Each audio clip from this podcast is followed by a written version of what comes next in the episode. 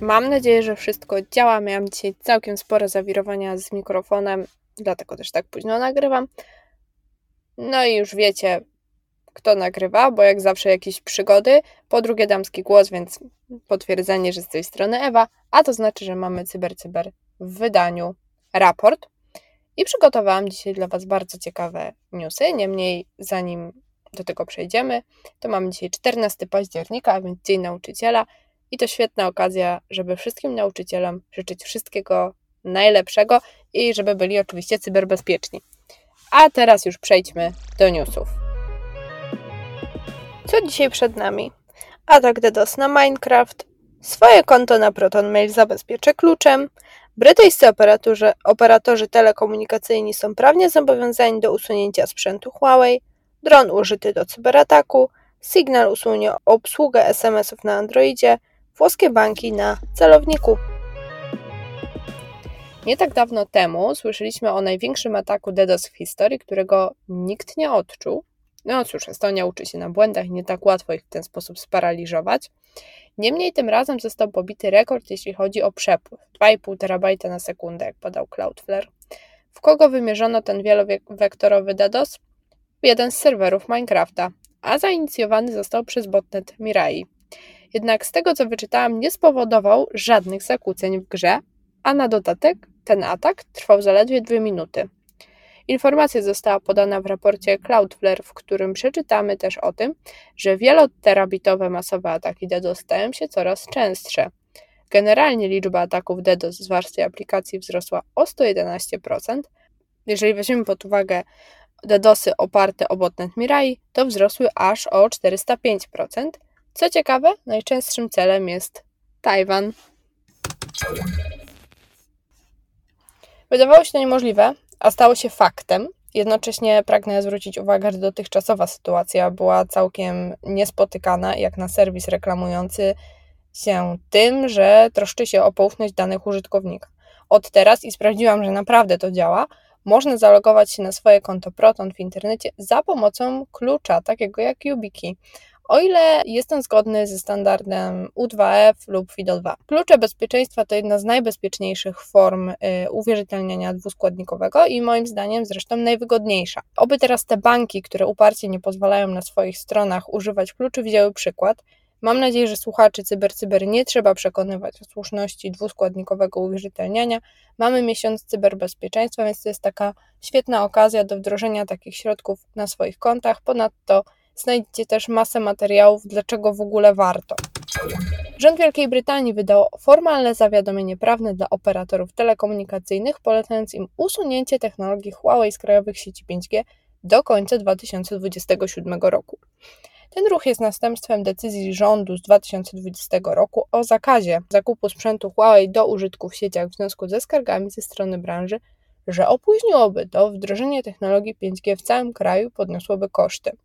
W międzyczasie Huawei otrzymał zawiadomienie informujące, że firma została sklasyfikowana jako dostawca sprzętu i usług sieciowych 5G wysokiego ryzyka.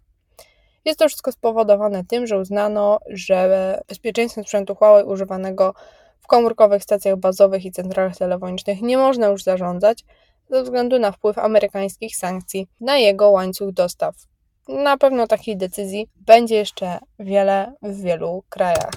Na początku tego newsa warto zwrócić uwagę, że trudno zweryfikować wiarygodność źródła, bo informacja pochodzi z Twittera. Niemniej brzmi to wszystko dość prawdopodobnie, a przede wszystkim jest dość ciekawe.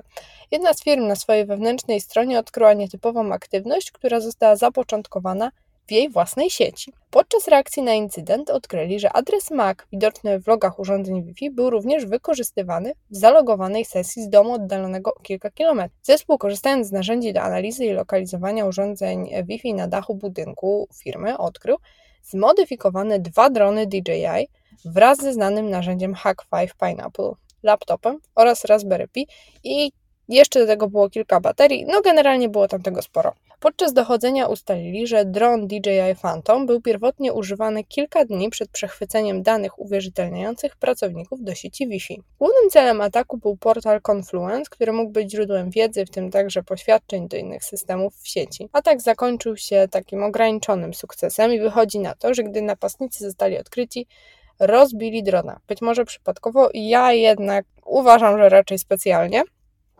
Tę konfigurację oszacowano na ponad 15 tysięcy dolarów za jednorazowy scenariusz ataku.